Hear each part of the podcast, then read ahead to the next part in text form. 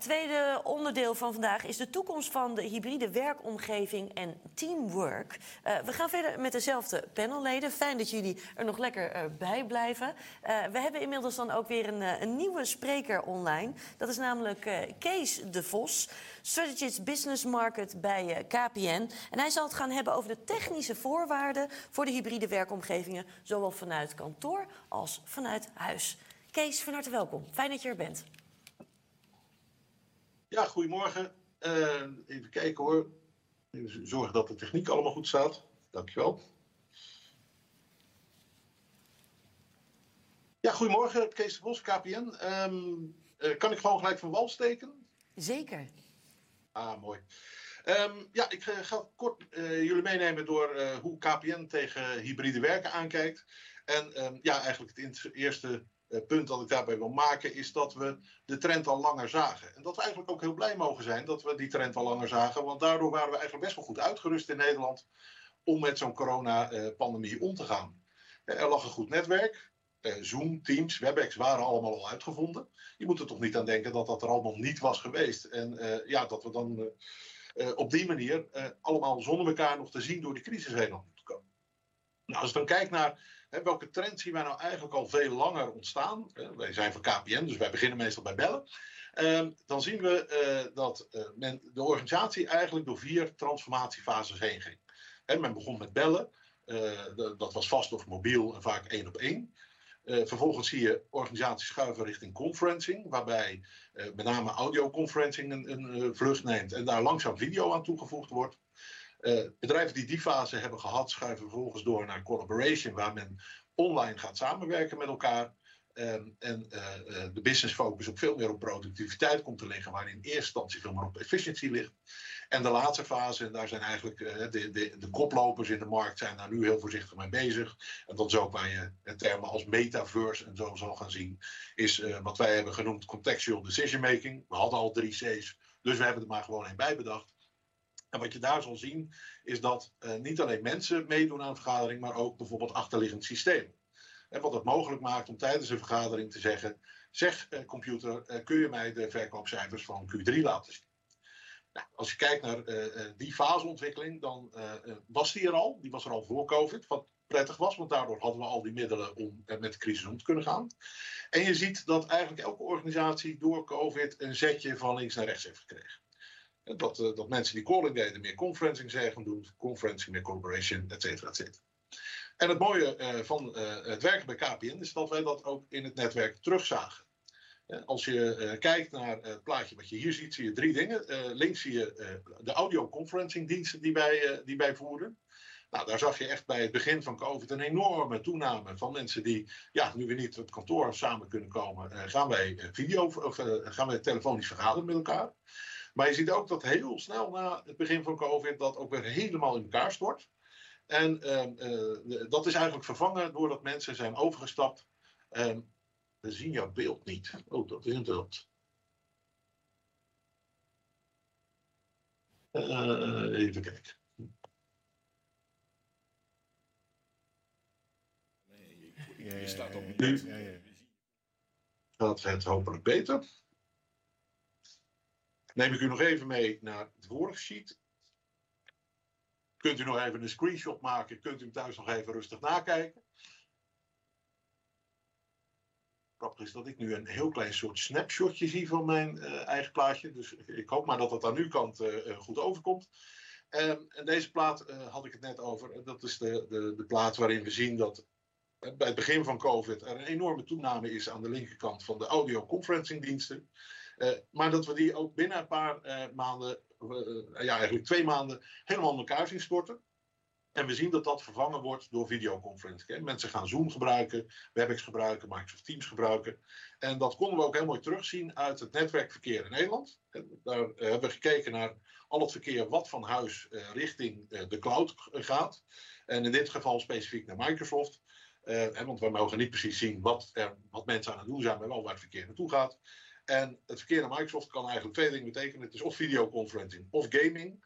Nou, toen hebben we het rechterplaatje er nog even bij gepakt. En dan zie je uh, toch hele duidelijke pieken in bepaalde dagen. En ook aan het begin van elk uur. Nou, ik, game zelf wel eens, mijn kinderen gamen. En die beginnen niet precies op het hele uur, maar die beginnen meestal in de avond. Dus we konden vrij redelijk zien dat het verkeer inderdaad ook van links naar rechts ging. Dus van audioconferentie naar videoconferentie. En wederom heel prettig dat het er allemaal al was. Nou, als wij dan kijken naar hoe het hybride werken daar als subtrend daarvan wel impact heeft, dan, dan, onderscheiden we daar eigenlijk drie dingen die zich aan uh, moeten passen. Uh, dat zijn de bricks, de bytes en uh, het behavior, zoals dat in mooi Nederlands heet. het, het, gebouw, de IT en het gedrag van mensen. Hele simpele dingen. Vroeger als je in een echte vergadering zat en je mobiele telefoon ging en je moest hem echt pakken, dan liep je de zaal uit en zei je deze moet ik even nemen. Um, ja, in het hybride werken zagen we heel vaak dat iemand op mute ging, maar nog wel heel vrolijk aan de andere kant met zijn hoofd bewegend en uh, heel druk doend de telefoon aannam. Wat vrij vervelend is voor de mensen die nog in de, in de call zaten. Dus ook aanpassingen in het gedrag, online etiketten, hoort daar allemaal bij. Nou, als we dan eerst even naar de BRICS kijken, en dat is wel aardig omdat we natuurlijk bij de vorige spreker daar al ja, heel veel bewijsmateriaal bij hebben gekregen, dan zeggen we dat het nieuwe kantoor een plek was waar je naartoe moest. En dat moet een plek gaan worden waar je graag heen, waar je graag bent. Um, het heeft eigenlijk drie functies. Een center of belonging. Dus waar voel je je thuis? Waar, waar hoor ik? En dat heeft weer een aantal subfuncties, namelijk het ontmoeten van mensen, het ontspannen en het ontladen en opladen. Dat laatste heb ik eigenlijk nog heel weinig gehoord. Maar het was natuurlijk wel zo hè, in COVID-tijd. Dat uh, ja, werk geeft af en toe gewoon stress. Je verliest een deal of iets gaat niet goed. Of iemand anders die doet niet wat hij wat beloofd heeft. En die stress moet ergens heen. En op kantoor is het heel prettig, dan schuld je gewoon tegen een collega dat een andere collega stom is. Uh, thuis werd dat vaak gebotvierd, toch op de directe omgeving. Uh, huisdieren, partner, kinderen. Je zat al zo dicht op elkaar. het kantoor moet ook daar een uitlaatklep kunnen bieden. Het kunnen ontspannen en ontladen en opladen. Daarnaast, en dat zagen we denk ik ook heel goed uh, bij de vorige spreker, uh, moet het ook een bubble of productivity zijn, zoals ik dat noem. Een, focusruimte om ongestoord te werken. Uh, de wat ouderen onder ons zeggen, ja, maar dat kan toch prima thuis. Ja, die kennen wel, wellicht niet de situatie dat je met z'n tweeën, met de huidige huurprijs in Amsterdam, toch wat beperkt bent in je ruimte. Met twee kinderen die door COVID thuis zitten en mogelijk nog een huisdier. Ja, dan, dan is het ongestoord werken, dan is thuis in ieder geval daar niet de plek voor. Dus daar zal ook een, een plek voor moeten worden gecreëerd eh, op kantoor. En uh, tenslotte is het een window to the world. Want eh, als ik persoonlijk kijk, een van de dingen die ik wel heel interessant vond, was dat COVID mij in ieder geval uh, dwong en in de gelegenheid stelde om veel meer buiten mijn eigen organisatie met mensen in contact te treden. Ik was veel meer bezig met mijn leveranciers, met mijn partners, met mijn klanten.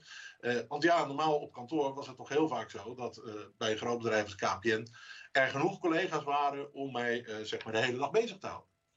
Dat Window to the World, dat, uh, daar heeft Remco denk ik ook al een, een, een mooie doorkijkje naar gegeven. En zorgt dat de systemen, de vergaderkamers video-enabled zijn. En ook in het licht van de trend uiteindelijk naar die contextual decision making. Het kunnen praten met achterliggende systemen. Denk ik heel goed om dat collaboration platform daar nog gelijk in te bedden in de vergaderzaal.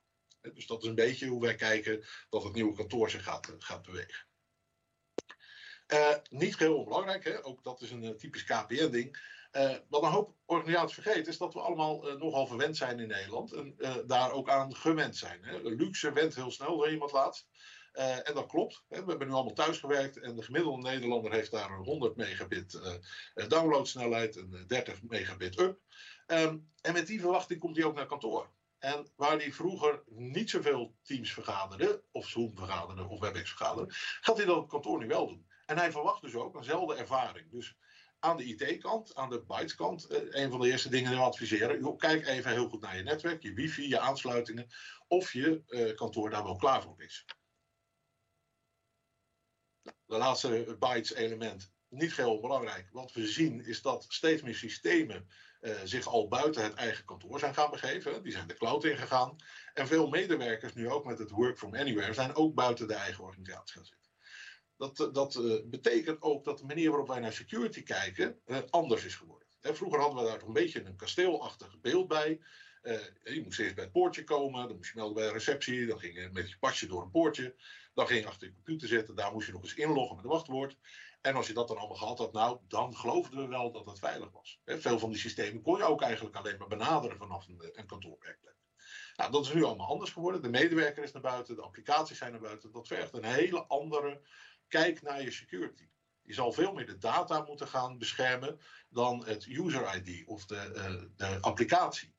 Uh, de netwerkbeveiligingen, end-to-end encryption, ook heel erg belangrijk geworden. Want ja, het, lastige van IT is, uh, iets kan gestolen worden zonder dat je weet dat gestolen is. Men hoeft iets af te tappen en men heeft jouw communicatie in handen, terwijl jij het ook hebt, dus helemaal het niet mist en dus ook niet door hebt dat je bent. En een ander belangrijk concept is de zero trust. Dus zelfs al ben ik bijvoorbeeld in mijn eigen bedrijf ingelogd, uh, met two-factor authentication, uh, en alles erop en eraan, dan nog, uh, als ik iets doe in onze IT-omgeving wat eigenlijk niet bij mijn rol past, dus ik ga bijvoorbeeld proberen nu in het HR-systeem te komen om te kijken naar salarisgegevens, dan zal het systeem zeggen, ja maar wacht even, dat past niet bij zijn rol, daar ga ik even dieper op in. Dus zelfs al ben ik binnen, dan word ik nog niet uh, uh, uh, vertrouwd. Nou, dat is een beetje de, de basis van, van Trust. Um, ja, de vraag aan mij was ook van hoe gaat teamwork daar nou, nou in meespelen? Nou, het mooie was dat, dat Kilian daar ook al wat, wat inzage in heeft gegeven. En het echte werk aan de menskant moet nog beginnen. En tot nu toe was hybride werken alles behalve hybride. We zaten of met z'n allen thuis, of we zaten met z'n allen op kantoor. Het was heel binair. Het hybride werken is juist van, nou, soms zit er één thuis. Soms is er één op kantoor. En in veel van de gevallen, en ik denk dat het, uh, het onderzoek van Rianne dat ook aangaf, is er altijd wel één die thuis zit. Uh, ja, en dan ben je eigenlijk al hybride als team aan het werk. Dus dat zal, het zal een heel veel voorkomende situatie gaan worden. Wat denk ik ook wel belangrijk is, is dat hybride werken, ja, wat mij betreft, echt een subvariant is van remote working. daarom vind ik de term van remote working ook eigenlijk beter dan hybride werken. Hybride werken gaat erg om een, een blend van situaties. Maar remote working moeten we uiteindelijk ook gaan kijken van het op afstand kunnen doen van bepaalde werkzaamheden. Dus uh, robotisering komt er straks aan. Men zal in staat zijn om uh, van welke plek dan ook aan een auto te kunnen werken door virtual reality, uh, handschoenen die op afstand motor, motoren en robots bedienen. Um, ja, en dat is ook een trend die, die daarin meegenomen is. En ja, wat, waar draait het nou echt om? Wat was nou ook alweer die functie van het kantoor? Nou, in, in de basis was het de plek waar je bij productiemiddelen kon. Vroeger was daar de typemachine, want die was duur. De computer, want die was duur. De, uh, de typkamer, want dat was uh, handiger qua schaal. Um, ja, en nu kun je heel veel van die dingen, kan je waar dan ook doen. Nee, nogmaals, niet alle functies zijn daarvoor uh, geschikt. Uh, ziekenhuizen, uh, dat soort zaken zullen nog steeds op, op een redelijk ouderwetse manier naar, daar naar kijken. Maar ook dat zal mogelijk op termijn gaan veranderen. Um, ja, het teamwork, het was altijd al uh, heel belangrijk in, in organisaties, heeft eigenlijk wel een, een soort challenger gekregen. Uh, wat je zag dat bij het hybride werken, dat niet alleen in het team werken heel belangrijke competenties waren, maar ook het zelfstandig kunnen werken zonder dat je door je team qua sociale controle een bepaalde kant werd ge, gedreven. En de echte kracht is dan ook niet om te zien van of je goed zelfstandig kan werken of goed in het team kan werken, maar wanneer je wat moet doen. Um, vond ik ook wel een mooi, wat iemand tegen me zei: van ja, ik, van huis uit ben ik vrij introvert. En het was voor mij echt een zegen om nu gewoon eens lekker met de inhoud bezig te zijn. En dat vond ik wel een mooie, uh, want we kwamen daarover in gesprek. En hij zegt van ja, eigenlijk zijn er twee krachten in een bedrijf. Het is een, een, een, sommige mensen zijn van de inhoud en andere zijn van de beweging. Met name de mensen van de beweging zijn vaak wat extroverter, zoeken elkaar meer op, hè, maken allianties en coalities om iets te bereiken. En als je kijkt naar uh, COVID, dan hebben we eigenlijk gezien dat we wonderbaarlijk goed waren in de inhoud. Er is heel veel productiviteit geweest op de inhoud. Um, en zo, of zoals iemand zei, we zijn heel goed blijven drijven. Alleen we zijn niet echt ergens naartoe gezwommen. En ik denk dat dat een van de grote uitdagingen van het hybride werken is. Om uh, te de kracht te behouden van de mensen die van de inhoud zijn. En die wellicht wat introverter zijn. En die ook wat, wat meer op zichzelf willen werken. En dus vaak ook wat meer thuiswerken. Maar die wel weer te verbinden met de kracht van de extroverte mensen. Die wat meer op een richting en beweging uh, gericht zijn. En die op een optimale manier bij elkaar te brengen. Dus het hybride is voor mij niet zozeer alleen thuiswerken en op kantoor werken maar ook wel degelijk uh, uh, hoe breng ik mensen van andere staturen, uh, diversiteit in mijn team en hoe laat ik die verder samenwerken. Ja, een belangrijke vraag van jongens, was deze twee jaar nou eigenlijk wel voldoende om zo'n ingrijpende verandering te bewerkstelligen? heel veel van de oude structuren zijn er nog. ik hoorde Kilian dan zeggen, nou, je zal op een gegeven moment regels moeten gaan stellen om gewoon naar kantoor te komen. het zou best kunnen dat ja, het helemaal niet zo hybride wordt. Uh, tot nu toe is de arbeidsmarkt zo dat uh, ja, de, de, de, medewerker kan bepalen waar hij gaat werken. De arbeidsmarkt ziet er heel goed uit voor mensen die een baan zoeken of een nieuwe baan zoeken. Uh, maar op het moment dat dat minder wordt, zou het zomaar kunnen dat we toch terugglijden in het oude gedrag van kom allemaal maar naar kantoor. Want dan, dan hebben we zicht op ieder. Nou, dit dit plaatje uh, heb ik vrij recent uh, gemaakt. En uh, ja, dank voor Kilian om te zeggen, ja, kader stellen is niet voldoende, je moet regels stellen. Ehm, ja, in mijn beleving is een, een, regel een heel nauw kader, dus dan, dan past het allemaal wel weer. En, en, daar moet je van uitgaan, van, als je de medewerker toch even in het midden zet en centraal stelt, omdat dat degene is die de verandering het meest ook, ook meemaakt. En dan zie je dat bijna alles twee tegenstelde krachten hebben. Dus de medewerker brengt de organisatie productiviteit. Hij vraagt daarvoor vanuit zijn team vertrouwen op zijn kennis en kunde en uh, capabilities. En het team vraagt vervolgens van de organisatie het mandaat om op basis van hun gemeenschappelijke kennis en kunde uh, uh, iets met die productiviteit te gaan doen. Nou, moment dat je te veel productiviteit ziet, zie je stress. Hè? Dan, dan zul je een bepaalde sociale waakzaamheid binnen het team moeten creëren. Nou, die was vroeger heel normaal, dat deed je bij de koffieautomaat hoe doe je dat nou online? Hè? Hoe hou je nou je collega's ook in de gaten van, joh, is nou niet iemand een beetje, zit hij niet op het randje van een burn-out?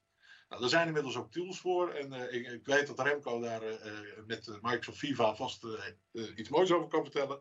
Um, maar je zult dat in de gaten moeten houden. En dat is moeilijker in een hybride situatie of bij remote work dan dat het was in de, in de oude situatie. En de medewerker zoekt verbinding. Want dat is toch een stuk lastiger op het moment dat je thuis zit in plaats van dat je op kantoor bent. En vraagt daarvoor vooral waardering en uh, het team vraagt vooral een purpose. Hè? Het, het, gevoel dat je zinvol werk doet. Dat werd ook al eerder aangegeven. Nou, op het moment dat je te veel verbinding hebt, komt mogelijk je work-life balance in gevaar. Je bent te veel aan het werk. Nou, op dat moment zal ook in de teamplanning en de bijsturing vanuit het team en monitoring van de arbeidstijden vanuit de organisatie een bepaalde bijsturing, een bepaald kader moeten worden, moeten worden gegeven. Nou, tot slot uh, denk ik nog even, hè, de IT-component. Ik zei het al, van de meeste applicaties gaan naar buiten en ook de meeste medewerkers gaan naar buiten. Ja, dat vraagt aan de andere kant een nieuw type security. Hè. Dus hou ook rekening met uh, de compliance van wat mag wel, wat mag niet. IT kan daar ondersteunend in zijn. Maar het zal toch altijd tussen de oren van de medewerker moeten zitten om daar zorgvuldig mee om te gaan. En uh, nou, ik heb dit ook even aan mijn vriendin laten lezen. Die zegt, wat is non-intrusive databeveiliging nou weer, Kees? Ik zeg, nou, schat, dat is uh, uh, eigenlijk dat de databeveiliging er is, maar hij jouw werk niet in de weg zit. Want dat is echt een beetje de heilige graal van security. Het is bijna altijd voer hier uw wachtwoord in, of doe dit, of stuur een sms. Ehm, en eigenlijk moet het niet in de weg zitten. Nou, eh, ook daar, Remco, complimenten aan Microsoft voor, voor wat ze in de E5-licentie hebben zitten.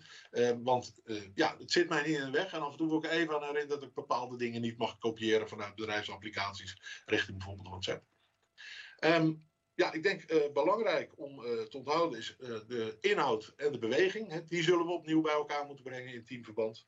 Uh, remote work is meer dan uh, uh, het hybride karakter van thuiswerken en op kantoor werken. Het, het, heeft ook elementen in zich van welke werkzaamheden kan ik op afstand doen. Um, ja, en tenslotte zeg ik, kijk meer Star Trek. Want heel veel van de dingen die ik hier vertel, die zijn daar al naar voren gekomen. Je ziet in Star Trek ook, computer, tell me. Nou, dan wordt eigenlijk gewoon met een achterliggend IT-systeem gesproken. En ook die kant zullen we langzaam opgaan. En dat maakt ook dat het samenkomen ook een heel interessant concept gaat, gaat meebrengen. Want ja, hoe gaan we om met security op het moment dat je tegen een systeem kan praten? En hoe weet het systeem dat ik wel in dat systeem mag en een ander dat niet mag? Ook daar de verification codes in Star Trek. Kijk meer Star Trek, dan wordt er vanzelf meer duidelijk over waar hybride werk uiteindelijk gaat. Ik dank u wel. Kees, dankjewel. Ja, kijk meer Star Trek, dames en heren. Ja, dat is een hele goede tip, Kees. Uh, en het is ook wel duidelijk, een nieuwe balans vinden... dat is dus ook wel heel erg belangrijk, juist bij dat hybride werken. Wie wil als eerste reageren op wat Kees heeft verteld? Nou, ik denk dat het mooi aan Kees dat Kees heel veel heeft verteld. Dat was een heel mooi, uh, mooi verhaal. Zeker. Allereerst kijk meer Star Trek, daar ben ik het helemaal mee eens. Ik ben zelf ook een trekkie, dus uh, dat, dat kan ik aan iedereen aanraden. Maar um, ja, wat me eigenlijk toch wel um, over alle onderwerpen heen bijbleef... is dat er toch wat digitale ongelijkheid uh, is. Het kwam misschien, zag je het als eerste bij het, de, het begin van de eerste lockdown. Hè. Er was eigenlijk geen land ter wereld waarbij het gebruik zo snel groeide. Het ging keer 14 in de eerste vier dagen, hè, dagelijks gebruik van Microsoft Teams. Daarna zag je het blijven groeien, maar langzamer. En dat waren organisaties die het niet gebruikt hadden. Dus we hebben wel een, ja, we hebben een massale adoptie gezien. Gaan we, is twee jaar lang genoeg? Um, ik, ik, denk dat we zo'n enorme adoptie hebben gezien dat we nooit meer teruggaan echt naar hoe het was. Aan de andere kant ja, zie je wel veel ongelijkheid. Uh, want organisaties zijn eigenlijk pas um, ja, vrij recent bezig gaan met hoe beveiligen we nou uh, die data. En dat is eigenlijk opgekomen door het hybride werken. Uh, of hoe vergaderen we nou uh, hè, voor iedereen inclusief? En dat is ook opgekomen door het hybride werken. Um, ja, dus er, is gewoon veel, veel ongelijkheid. Als ik ook weer terug naar vergaderingen kijk, dan. Als ik kijk naar de, de, de 700 grootste organisaties in Nederland, zie ik daar echt een tweedeling. Dat is, organisaties hebben of honderden systemen om echt gelijkwaardig met elkaar te veranderen, of geen. Er zitten nog een paar organisaties tussen, die hebben de 1 à 2 à 3 en die doen een proof of concept. Um, maar wederom, daar is weer echt een hele grote ongelijkheid. Ja, kijk naar het beveiligen van informatie. Ja, soms kijk ik ook naar het nieuws uh, met, ja, met, met kromme tenen. Als ik zie dat er een Excel-bestand bijvoorbeeld met gegevens is gelekt, dan heb ik zoiets van ja, en bestand kan, kan prima verstuurd worden. Het is raar dat die geopend kan worden door iemand anders buiten de organisatie. Ja, en dat zijn allemaal redelijk standaard informatiebeveiligingsmethodieken, um, maar ze worden niet gebruikt. Ja. Uh, ja, en dat is dus wat mij het meeste bijblijft, dat we echt de eerste stappen hebben gezet op een meer geavanceerdere manier van naar hybride werk kijken. Kijken naar hybride vergaderen, security bijvoorbeeld. Uh, hebben we het dan toch eigenlijk ook wel over meer kennis delen met elkaar? Dus dat mensen het ook gewoon nog te weinig weten? Of is het dat we het moeilijk vinden om die nieuwe stappen te gaan zetten? Dus dat we het moeilijk vinden om die verandering in te zetten? Beide. Het is inderdaad het is de kennis die, hè, hoe moet je dat dan doen, zo'n zo'n bestand beveiligen? En kan het systeem dat niet voor je regelen? Dat zijn dus dingetjes waar naar gekeken moet worden. Mensen weten dat niet. En, en, en vervolgens is het, is het inderdaad ja, het, het, het, wennen aan die nieuwe techniek. Dat is, ja, het, het, het heeft een enorme verschuiving met zich meegebracht de afgelopen twee jaar. Ja. En ja, de techniek uh, neemt sowieso enorme sprongen. Dus dat kost steeds meer mensen heel veel moeite om het bij te houden. Dus wat moet je doen? Je moet het faciliteren, je moet het intuïtief maken. Ja. Ik vond het interessant dat je vertelde dat er nog steeds organisaties zijn die dus met beperkte ruimtes de capaciteit geven om hybride te vergaderen. Ik hoorde de laatste collega van jou spreken in België. Die, die kwam een heel mooi statement. En dat is natuurlijk ook zo. Als we nu een vergaderruimte inrichten, dan richten we niet meer in voor de mensen die in die vergaderruimte zitten. Nee, we richten hem in met het gedachte: hé, hey, er zullen hier mensen in die vergadering zitten die niet fysiek aanwezig zijn in deze ruimte. En dat is echt. Dat vraagt ook echt een andere kijk naar, naar hoe je dingen doet en hoe je, hoe je naar dingen, dingen kijkt. En we willen ook techniek hebben waarbij, hè, dus, waarbij dus de techniek, jij noemde het, ja, het intrusive verhaal van Kees net, waarbij ook de vergadertechniek niet meer in de weg zit van het proces. Camera's moeten op de mensen inzoomen. Geluid moet automatisch rare bijgeluiden wegfilteren. Dat soort techniek is er. Mensen weten dat vaak niet, maar het is er. En, en ja, daar moet je gewoon gebruik van maken. Ja, de, de, techniek heeft nu eigenlijk een volwassenheidsniveau ja. uh, bereikt. Dat het voor mensen het werk doen. Ja. En kijk terug naar vergadering. Heb jij mooie voorbeelden genoemd. Kijk naar security. Vroeger zeiden we van ja, het ligt aan de persoon. Die heeft niet verstandig gehandeld. Ja, dat, dat is echt iets van vroeger. Dat kunnen we niet meer zeggen. Nu moet het eigenlijk het systeem, het software dat we gebruiken, zorgen uh, voor de persoon. Ja. Een voorbeeld, terug naar het bestanden delen, want daar hebben we het net over gehad. Um, de software waar je mee werkt kan zien of er burgerservernummers in een bestand staan. Als dat zo is, kan die zeggen van, oh, er staan BSN-nummers in. Automatisch krijgt hij dit klassificeringsniveau. Bij dat klassificeringsniveau hoort dat, er altijd, dat het bestand alleen maar geopend kan worden met het e-mailadres van een geverifieerde medewerker van de organisatie. Ja. Nou, dat is een voorbeeld van hoe techniek voor jou zorgt. Kijk bijvoorbeeld naar, uh, als je bij Microsoft Teams werkt, daar zou je bijvoorbeeld in kunnen stellen als iemand creditcardgegevens deelt, dat dat herkend wordt en automatisch het bericht uh, komt van hé, hey, dit mag niet, uh, ik hou dit tegen. Tenzij jij nu expliciet toestemming geeft. Nou, dat is zo'n voorbeeld van non-intrusive. De techniek zorgt eigenlijk voor de medewerker. En de, we leggen de verantwoordelijkheid niet meer alleen bij de medewerker neer. Want daarvoor is onze omgeving ja, ve- veel te complex eh, geworden. Eigenlijk, eh, IT gaat een steeds belangrijkere rol spelen natuurlijk in eh, het hele bedrijfsproces van, van alle, alle bedrijven. Wat wij zien bijvoorbeeld ehm, in het verleden, als wij een AV-installatie moesten aanbieden, dan werden we met name gevraagd naar onze AV-kennis. Op dit moment wordt als eerste gevraagd, ben je ISO 27001 gecertificeerd? Wat doe je, wat doe je op netwerk eh, security en dat soort zaken. Dat soort zaken spelen een steeds belangrijkere rol. En hoe nemen we al onze gebruikers daar ook nog eens een keer in mee? Dat ze zich daarvan bewust zijn alleen al. Ja. Dat is denk ik een, eh, een belangrijke stap die we ons wel moeten blijven realiseren. Want 9 van de 10 gebruikers zijn nog niet zo ver. Ondanks het feit dat het allemaal mogelijk is, eh, zijn een heleboel bedrijven nog niet zo ver dat ze het allemaal op die manier ook ingericht hebben.